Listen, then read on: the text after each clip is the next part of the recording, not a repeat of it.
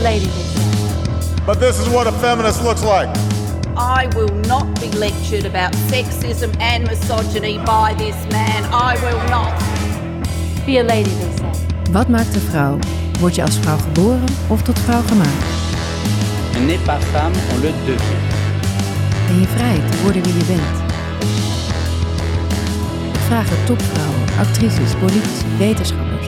Vrouwen die succesvol zijn en vrij, maar leven in een wereld die is ingericht door en voor mannen. Be a lady, they say. That word feminist is so heavy with baggage. Een wereld waarin het feminisme nog altijd nodig is. Welkom bij Wolf. Mijn naam is Maartje Lateveer en vandaag praat ik met duo Waal en Wind. Eva Marie de Waal is actrice, theatermaakster en schrijfster. Je kent haar misschien van de voorstellingen Verleiders Female en Sociaal Kapitaal. Sophie van Winden is eveneens actrice, theatermaakster en schrijfster en zij brak door met de film Leef. Daarna was zij onder andere te zien in de films Eileen en Kenau. Samen vormen ze sinds 2016 het theatercollectief Waal en Wind, dat een drieluik maakt over de positie van de vrouw. Volgend jaar komt het slotstuk op de planken en in januari start hun podcastserie Doing It Right. Sophie en Eva-Marie, welkom. Dankjewel. Dankjewel. Om maar met de allereerste vraag te beginnen. Wanneer zijn jullie feminist geworden? Ja. Ja. Wie gaat er eerst? Nou, eh, ik denk eh, veel eerder dan dat ik dat zelf wist. Ehm, ik kan mij bijvoorbeeld herinneren dat ik op de toneelschool eh, in zo'n groepsgesprek eh, een keer naar mijn hoofd gekregen van een klasgenoot. Ja, maar jij bent ook zo'n rasfeminist. En dat ik echt totaal verbaasd was. omdat ik gewoon dacht, huh?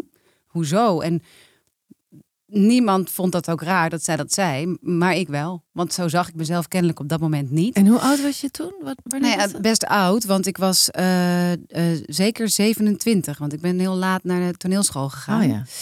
Eh, en ik had ook al allerlei voorstellingen gemaakt over vrouwbeelden. En ik had eh, op de toneelschool twee stukken gemaakt over een hermafrodiet. Omdat ik het echt wilde hebben over mannelijkheid en vrouwelijkheid en, en, en alles ertussenin.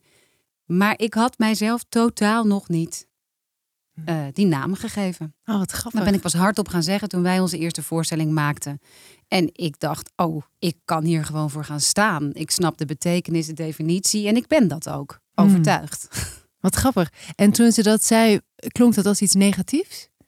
Je bent zo'n rasfeminist als Eh, een jij. Nou, het, het, is, het was een vriendin, dus ze bedoelde dat in ieder geval niet positief, eh, negatief. Freudiaanse bespreking. ja.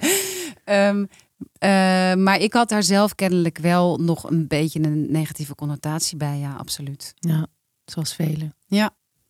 En jij, Sophie? Ehm, nou, ik snap wel heel erg wat Eva Marie zegt over dat je het niet bewust al bent. Ik was wel al veel langer alert op seksisme, op eh, nou ja, dat er minder, ehm, minder gunstige positie was voor vrouwen af en toe. Eh, op de toneelschool en ook daarna. Tegen mij is ook een keer door een regisseur gezegd: Nou, maak je maar geen zorgen hoor, jij bent geen feminist. Ehm, Zo. Waardoor ik inderdaad dacht, maar is dat dan iets heel negatiefs? Want we het gaat toch om dat je gelijke rechten voor mannen en vrouwen wil. Ehm, dus als ik er al aan dacht het te zijn, dan werd het me misschien snel gezegd van nou dat moet je niet zijn of dat zou je niet moeten willen zijn. Ehm, maar ik was er dus wel altijd al alert op, ook op de middelbare school. Ja, ik moet ook denken aan dat de, de zangeressen die ik leuk vond, die spraken zich ook daar wel over uit en zo. Dat was wel wie, wie waren dat dan? ja, Skunk Nancy en Gwen Stefani en zo. Er waren wel, het was voor mij een hele prettige tegenhanger tegen de, de grote drie schrijvers of zo, die ik dan Mm. ook weer meekreeg. Ehm, maar voor mij geldt hetzelfde dat toen wij elkaar ontmoetten, toen zijn we in gesprek gegaan. Waar willen wij samen een voorstelling over maken? En toen kwam eigenlijk in dat eerste gesprek naar boven, ja, over feminisme. Maar daar schijn je tegenwoordig eigenlijk helemaal niet meer zo over te mogen hebben, lijkt het wel. Ehm, en toen we dat dus wel zijn gaan doen, eh, toen, ja, toen zag ik het ook dat, dat het hele feminist worden een proces is. Dat ook Mm. gewoon nog steeds doorgaat. En dat ik het helemaal niet zo'n vies woord vond. En toen is het ook meer in. Zijn we er ook strijdvaardiger? Ben ik er strijdvaardiger in geworden? Dus Hmm.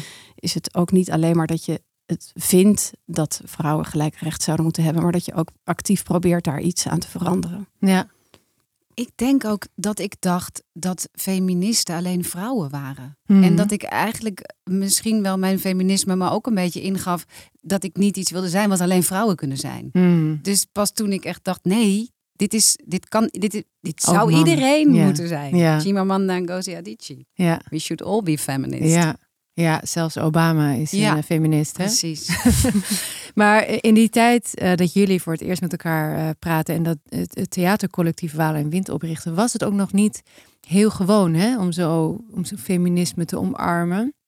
Dat was, eh, ik zei in de intro 2016, was het 2016 of 2015? Ja, 2014 hadden wij dat eerste gesprek. Ja. Dus het heeft dat het een eh, flinke aanloopperiode voor zo'n voorstelling er dan ook is. Ja, Maar ja, het feminisme heeft natuurlijk meerdere golven gehad. Maar zo, waar we nu weer in zitten, zo actueel was het toen even helemaal nog nee, niet. want ik kan me herinneren dat ik vlak daarvoor, in 2013, heb ik nog een stuk geschreven voor Vogue over hoe hip feminisme ineens leek te worden. En dat was eigenlijk een beetje een stuk waarin ik ook moest, vooral moest benadrukken dat het tot dan toe toch eigenlijk gewoon geassocieerd werd met, met eh, hoe heet het ook weer, tuinbroeken en ongeschoren oksels en nou ja, mannenhatende vrouwen. Ja. Dat is nog niet zo heel lang geleden eigenlijk. Nee, toen wij bij een producent aankwamen met het idee voor deze voorstelling, zag zij het heel erg zitten.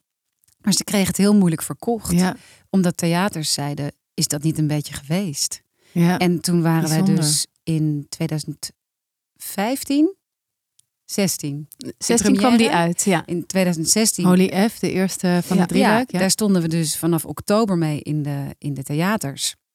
En in januari brak Me Too uit. En daarna zijn we drie keer in reprise gegaan. Ja. En het was ook absurd dat we toen opnieuw aan het spelen waren. En dat mensen in de zaal, ook die het soms voor een tweede keer zagen, ineens zeiden...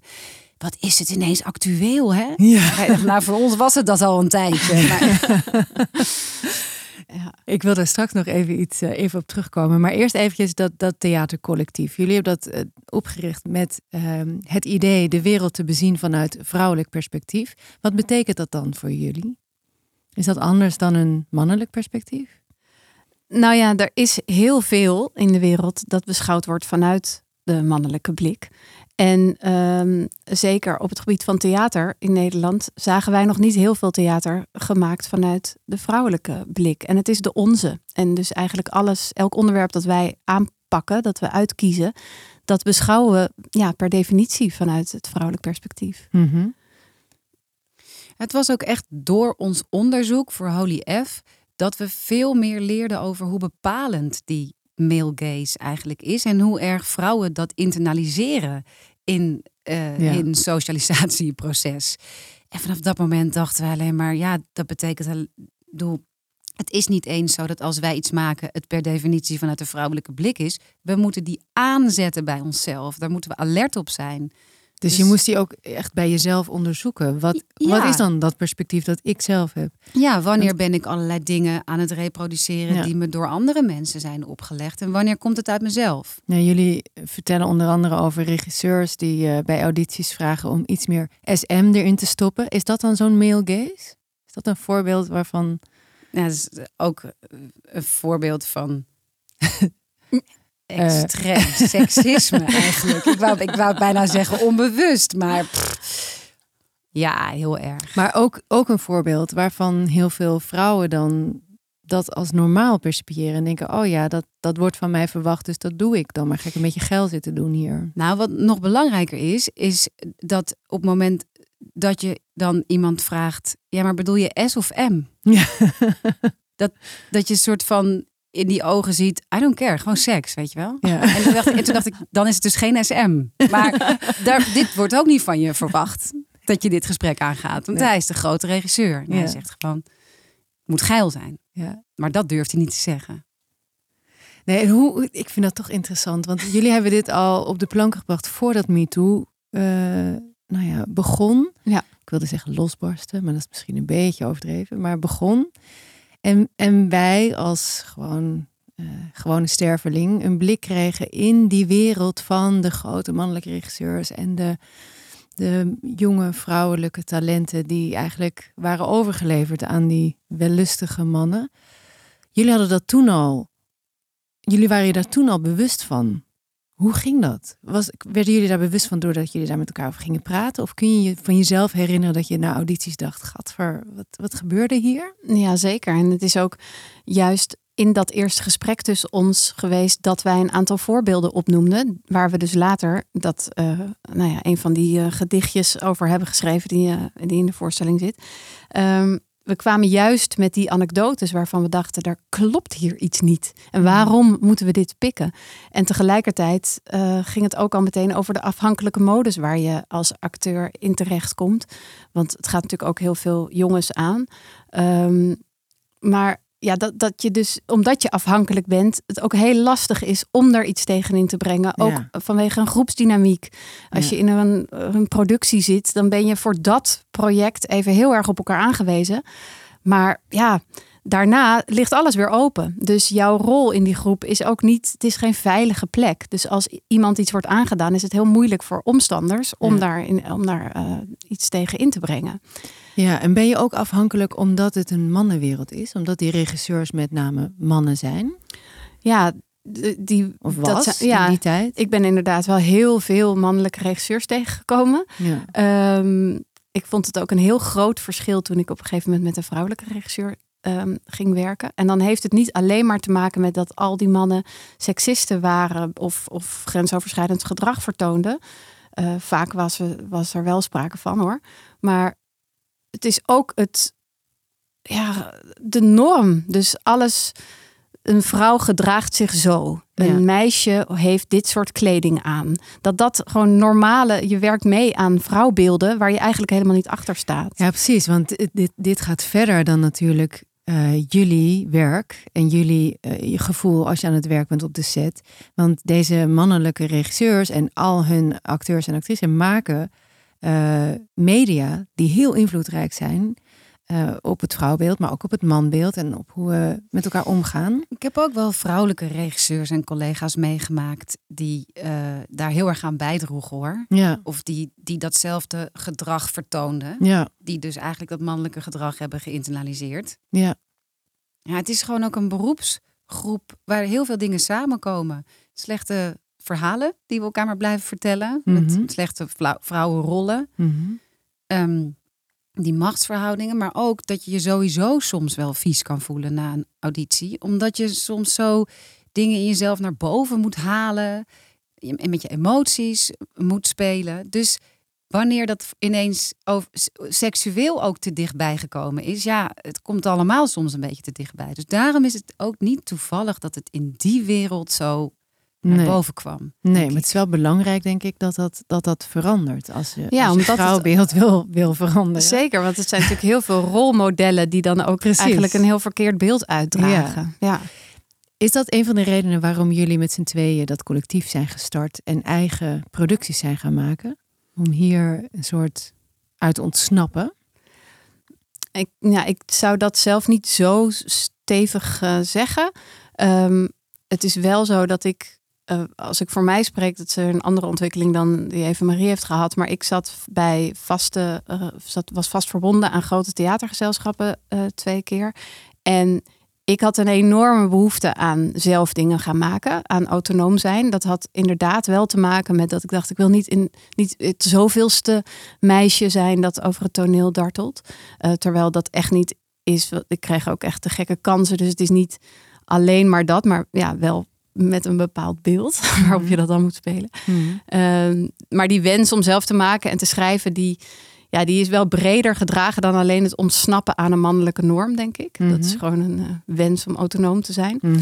En ja, dat wij elkaar zo vonden, ehm, maakte dat we ook dachten, wat zijn onze verhalen? En dan kom je inderdaad ook wel, kwamen we snel bij dit onderwerp uit, ja.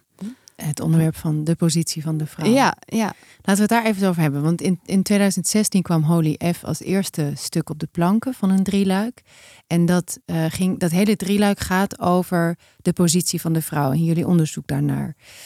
2016 is best lang geleden. Wat was jullie conclusie toen over de positie van de vrouw en het sluimerende seksisme?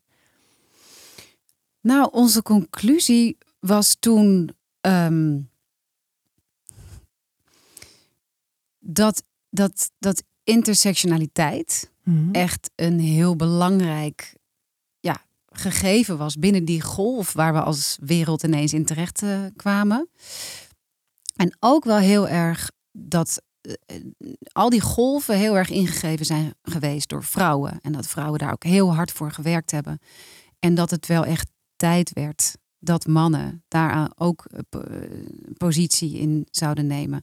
En dat was voor ons ook de reden om de vertellers in de voorstelling twee mannen te laten zijn. Dus we Mhm. hebben, we hebben zelf een soort mannelijke versie van onszelf ten tonele gebracht. En die hebben we in gesprek laten gaan met allemaal feministische schrijver, schrijfsters van 150 jaar feminisme. Ehm, ik denk dat dat, dat, dat, dat, dat dat een heel belangrijk onderdeel was van onze conclusie. En is die dialoog ook tot stand gekomen? Heb je dat gezien in de afgelopen jaren? Ja, ik heb het Tussen idee mannen van wel. Alleen al dat, dat er dus dat soort grote mannelijke rolmodellen als Obama zijn opgestaan en hebben, zich hebben uitgesproken en hebben gezegd: Ik ben feminist. En ook waarom. Mhm. En dat hebben natuurlijk meer acteurs en filmsterren en popsterren wel gedaan. Ja, ik denk Mhm. dat het wel heel belangrijk is.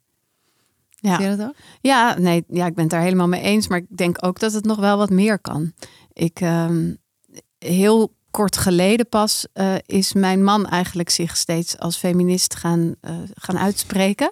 En daar word ik heel blij van. Mhm. Ehm, maar hij stuit daarmee nog op ontzettend veel verwarring of tegenstand of onbegrip of geintjes. Dus het is nog wel ook een heel onontgonnen terrein, denk ik, voor Ja. veel mannen. Ja, dat denk ik ook. Ja. Mannen hebben ook wel iets te overwinnen zelf om zich uit te spreken als feminist. Absoluut. Misschien wel Het- hetzelfde wat jullie hadden toen. eh, ja, Ja, die, die associaties die kleven hun natuurlijk ook aan. en ook te overwinnen in het loslaten van toxische manbeelden die ze zelf hebben geïnternaliseerd en waar zij net zoveel last van hebben als, eh, als vrouwen. Praten jullie daar veel over met mannen? Eh, nou ja, in ieder geval met onze eigen mannen. Maar Ja, we hebben bijvoorbeeld ehm, een van de bestuursleden van onze stichting is Jens van Tricht. Oh ja. Hij heeft eh, de Emancipator opgericht. En eh, een van zijn emancipatoren zit ook in onze podcast, Kevin Heller. En ja, we hebben allebei zonen ook. Dus eh, we vinden, we, je bent er wel echt mee bezig ook. Hoe, hoe voed je jongens op? En Mhm. eh, zodra de kleuterschool je huis binnenkomt, merk je ook ineens dat dat echt invloed heeft op je kinderen. Ja, we hebben het er met heel veel mensen over, maar het stuit ook nog steeds op weerstand. Mensen willen er niet heel graag over praten, genderpatronen. Nee. Nee, ze vinden het, gewoon, ze vinden het allemaal vervelend. Dus Ja. het zit ergens Ja, het op zit een ongemakkelijke verankerd. plek. Ja. Ja. Ja, niettemin hebben jullie een tweede voorstelling gemaakt. Die kwam in 2020 op de planken. Die heette eh, Mama Marlene. Over de moederschapsmythe en eh, vastgeroeste stereotypen.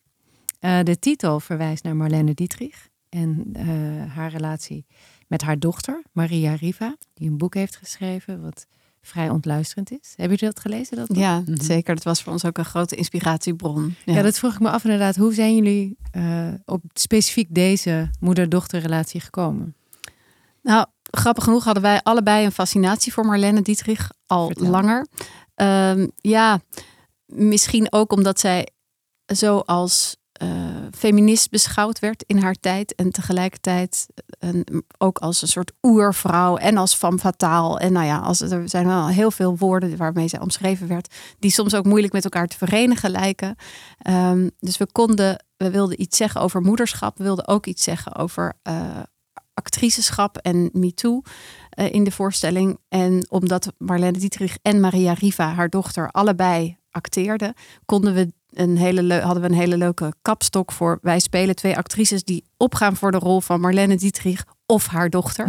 Ehm, en dan hadden we meteen dat aspect en konden we vervolgens over moederschap praten en ook over wat moet je, hoe verenig je die twee werelden en hoe verenig je alle andere aspecten van het mens zijn met elkaar. Marlene Dietrich heeft zelf ook heel erg haar moederschap zo in de etalage gezet. Ze was echt een van de eerste filmsterren die ervoor ging staan dat zij ook moeder was.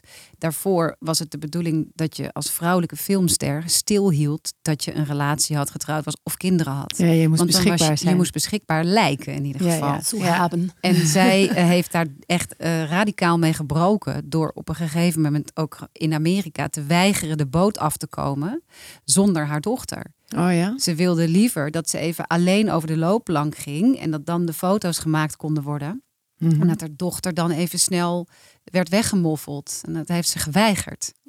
Maar tegelijkertijd was, was zij ook een moeder die niet oud wilde worden. Dus haar dochter moest altijd klein gefotografeerd worden. Ja. Ze heeft haar dochter heel lang niet verteld in welk jaar ze was geboren. Want elk jaar dat ze ouder werd, werd Marlene ook ouder. Dat was Dat klinkt niet heel... eh, al die dingen samen maakte Moederlijk. haar natuurlijk geweldig materiaal. voor Ja, het was daardoor alles zat erin. drama, ja. Het is heerlijk Ja. paradoxaal. Ja, Ja. ja, ja. Wat ik altijd ook zo'n fascinerende anekdote vind, of ja, anekdote is het niet eens, maar gewoon verhaal van haar laatste jaren, Ja. waarin zij niet meer naar buiten kwam, omdat ze zichzelf niet meer toonbaar vond. Ja.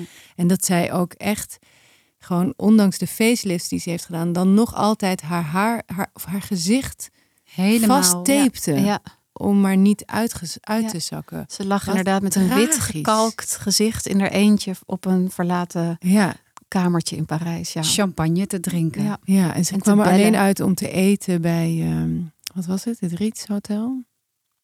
Altijd op hetzelfde Oh, ja. tafeltje. Dan keek ze Ja. door het raam of dat tafeltje vrij was. Ja, En ook dat die benen van haar zo wereldberoemd zijn. En dat het die benen waren die het begaven. Ze kon niet meer lopen op Nee. een gegeven moment. Nee. Oh, Daarom nee. lag ze in bed. Oh, Ook. Oh, ook.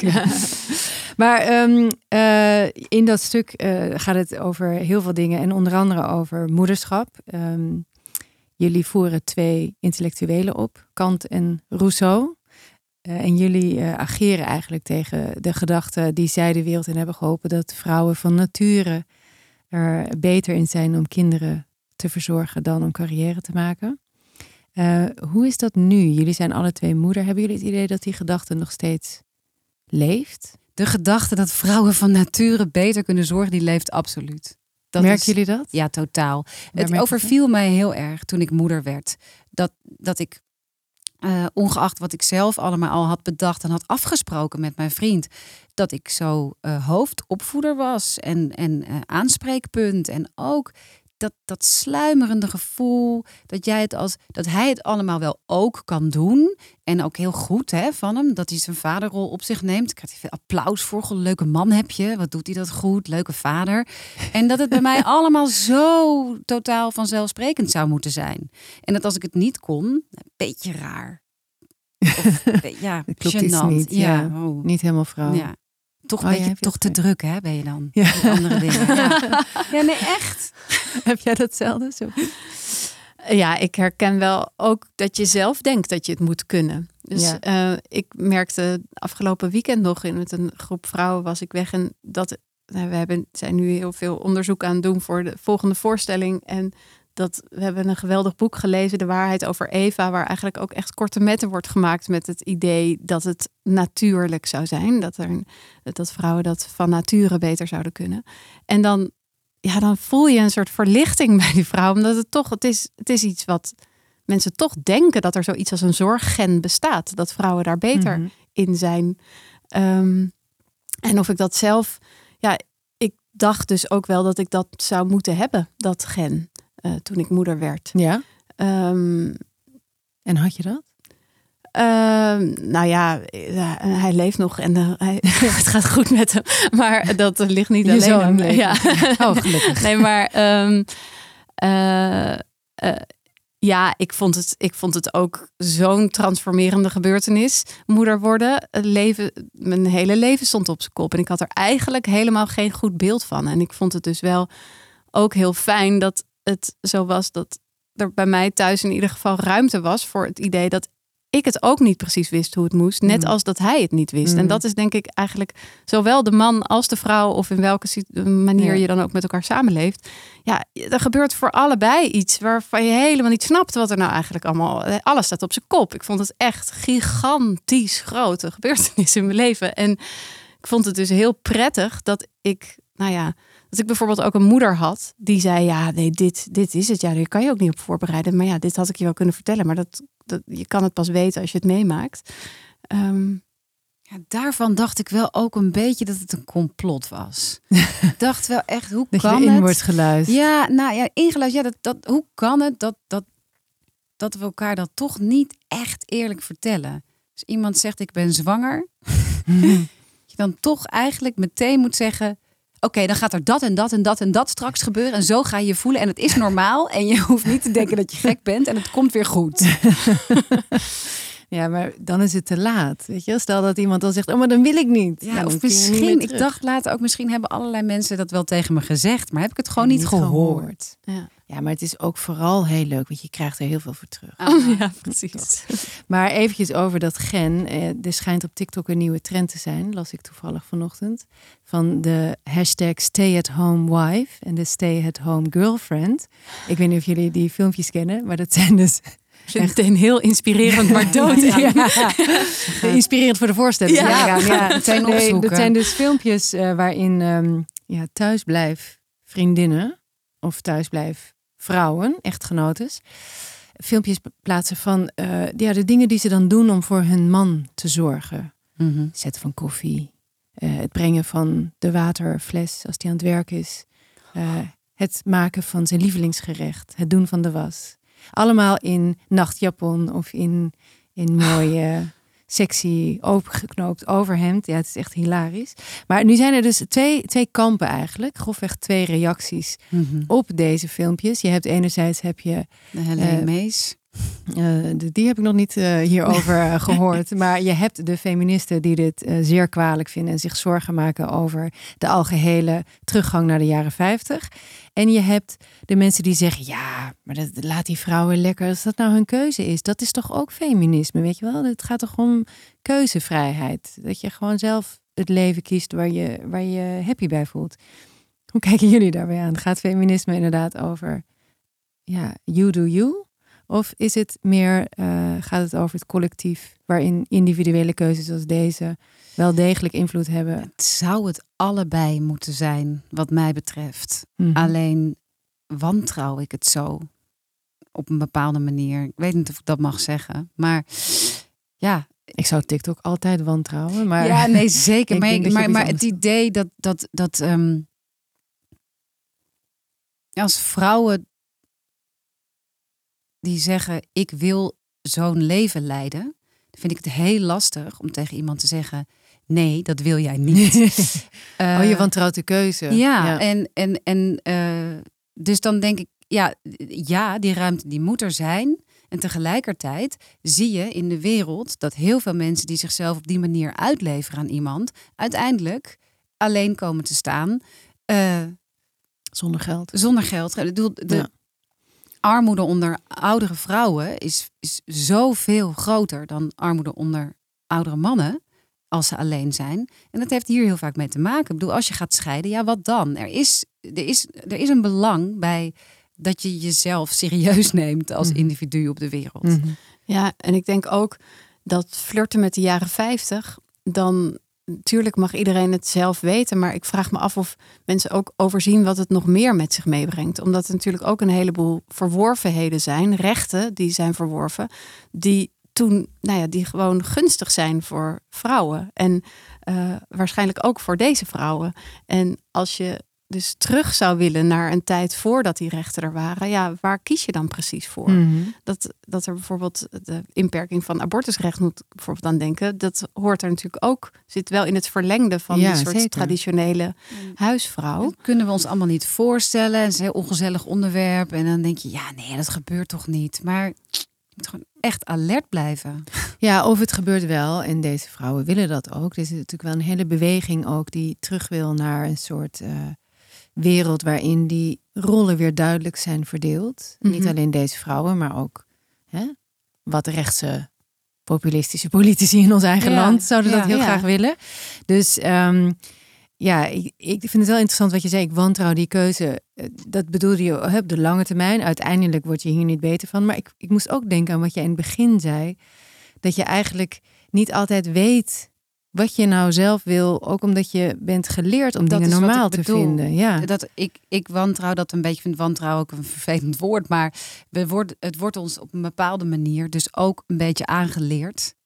Het is toch wat we op de een of andere manier in heel veel verhalen, beelden, dingen die mensen zeggen, of al van kleins af aan wat je hoort, eh, wanneer je een goed meisje bent. ja. En dat willen we allemaal. We zijn gewoon allemaal dieren die elkaar nadoen en die het graag goed willen doen. Ja. En ja, ja, we willen allemaal voldoen aan de norm. En die norm zijn heel stereotyperend. Hoe was dat voor jullie vroeger? Jullie zijn ook klein geweest. Jullie zijn ook opgegroeid eh, met deze stereotypen. Als je daar nu op terugkijkt, ben je, dan, ben je dan geworden wie je bent? Of ben je geworden wie je moest worden? Ben je goed, goed meisje, goede vrouw geworden? En wanneer ben je losgebroken daarvan?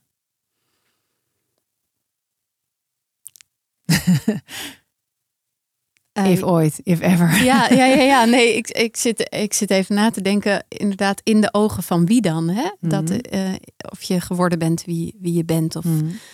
ehm, ik ben wel opgevoed met het, eh, vanuit het idee dat ik mag worden wie ik ben. Dat ik, ehm, en tegelijkertijd wel heel veel eh, mannelijke schrijvers, denkers of zo tot me heb gekregen. Ehm, maar altijd wel ben gestimuleerd om zelf na te denken, zelf beslissingen te maken en eh, te nemen. En dat is denk ik wat er aan ten grondslag ligt om uiteindelijk uit te komen bij waar voel ik me goed bij, wie ben ik. Ehm, dus ik ben daar wel. eh, Maar je bent je wel bewust van invloeden. Je noemde eerder ook al de grote drie schrijvers.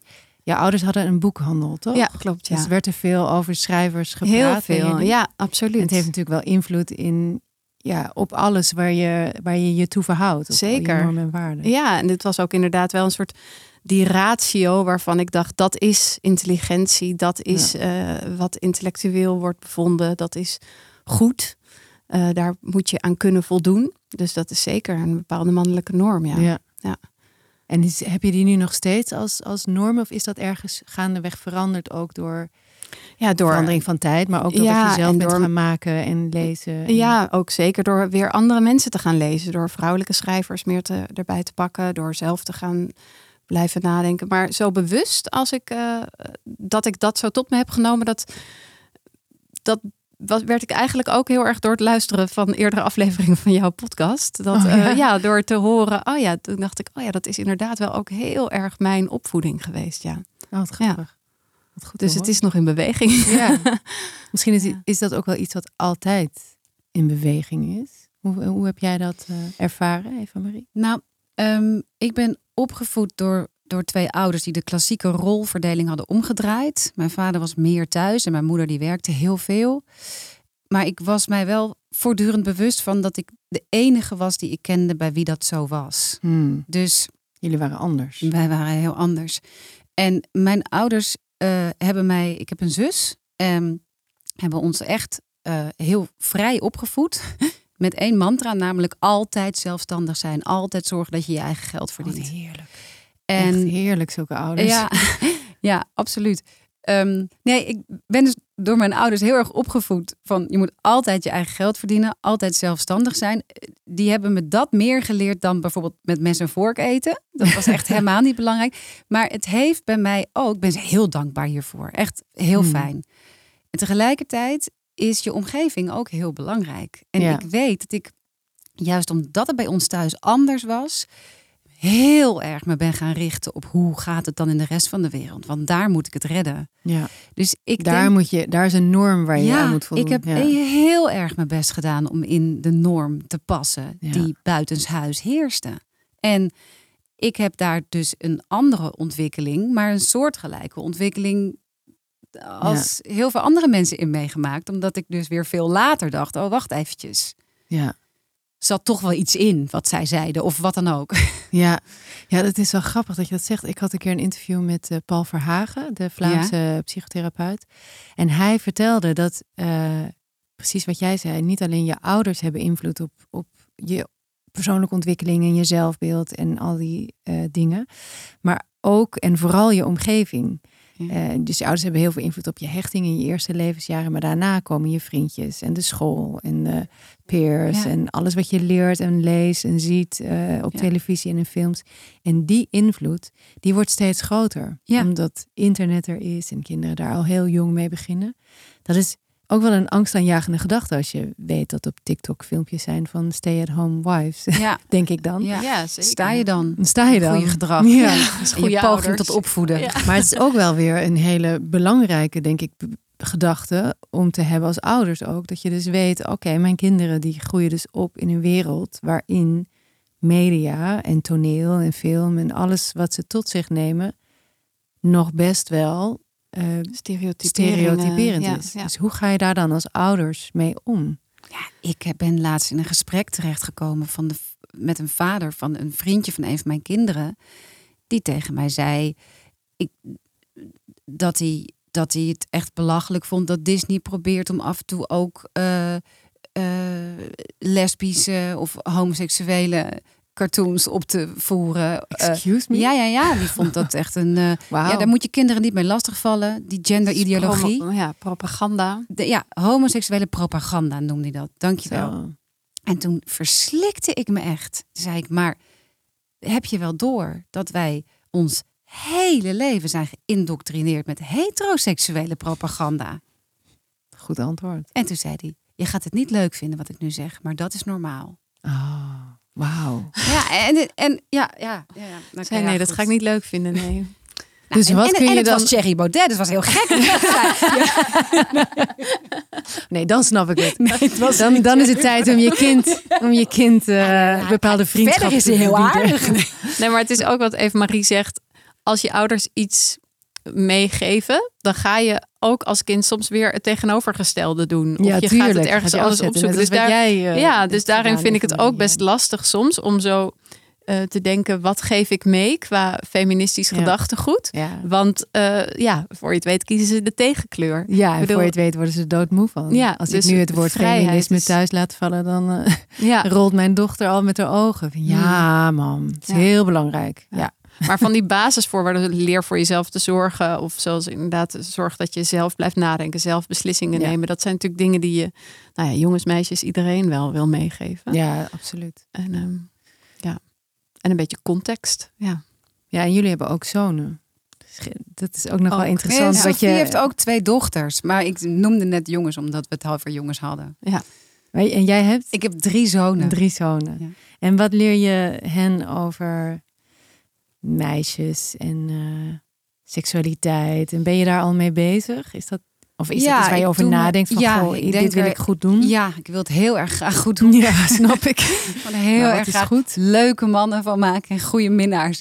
Maar ja, eh, ik, ik doe mijn best. Ik heb het daarover en ik probeer ook weer niet da daar te, te veel over te hebben om die antireactie tegen te gaan. Maar ja, so far so good. Eh, eh, eh, ze zeggen tegen mij zodra ik iets genderstereotyps zeg, dat is seksistisch. dus eh, eh, Er gaat ook iets heel goed. Dat is wel een goeie. Dat je dat gewoon af en toe eventjes erin gooit als test.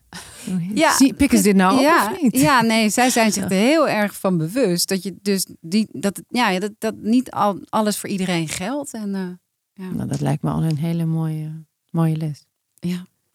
Hey, jullie eh, derde toneelstuk in het drieluik, dus het slotstuk, eh, komt volgend jaar op de planken. En in januari start jullie podcastserie die daar een opmaat voor is. Kunnen jullie er iets meer over vertellen? Waar gaat het derde stuk over? En is het eh, een happy end vooral? nou, dat zou mooi zijn. dat zou mooi zijn. Helemaal goed. Met de positie van de vrouw. We lopen weer een jaar voor. Maar als we uitgaan, dan zal je zien dat in 2024 Een beweging er toch een beweging uit. Ja, heel visionair. Nou, ehm, wij gaan eigenlijk in dat derde deel, eh, Doing It Right, gaan we eh, kijken naar de oorsprong van de ongelijkheid tussen de seksen. Daar is bijvoorbeeld Oh. dat boek De Waarheid over Eva, dat geschreven is door twee wetenschappers, een heel grote inspiratiebron voor geweest voor ons, omdat zij een eh, nou ja, ze hebben een heel uitgebreid goed onderzoek gedaan naar hoe is het nou eigenlijk gekomen? Wanneer zijn mensen in hun hokjes gedrukt? En 12.000 jaar geleden met de intrede van de landbouw is er, ja, zijn mensen uit de groepen gegaan en allemaal bij hun eigen akkertje gaan wonen. En toen is vanaf dat moment is er eigenlijk heel veel eh, aan ja, patriarchale samenleving geïnstitutionaliseerd. En ja, zat iedereen in zijn eigen familietje. En had je dus ook geen eh, vrouwelijke invloedssfeer meer waar je op kon terugvallen als vrouw. En daar kwam het christendom toen overheen. Aha, ik zat er al op te wachten. Ja, Wanneer komt die? de- de- de- Thierry Baudet. De structuur was al uitgezet en dat kwam het christendom heel goed uit. Ja. En toen kwam er één God in plaats van meerdere. is ook En die handig. God was natuurlijk ook een man. Ja. Ja, dus dit is, een, Handig, dit, dit ja. is in ieder geval een vertrekpunt voor ons geweest. Maar we kijken ook heel erg naar inderdaad die tendens die er nu is. Dat er veel vrouwen bijvoorbeeld eh, in coronatijd hun ehm, ja, in ruil voor een anti-corona-beleid geluid moeiteloos hun vrouwenrechten overboord gooiden en op, eh, op een hele rechtspartij gingen stemmen. ja, want jullie Dus gaan dat, het ook eh, hebben over eh, doing it right is ook doing it, zeg Ja, maar, recht. Verrechtsing, Ja, pol- polarisatie. En want ook maken jullie daar zorgen over in het licht van, de, van feminisme?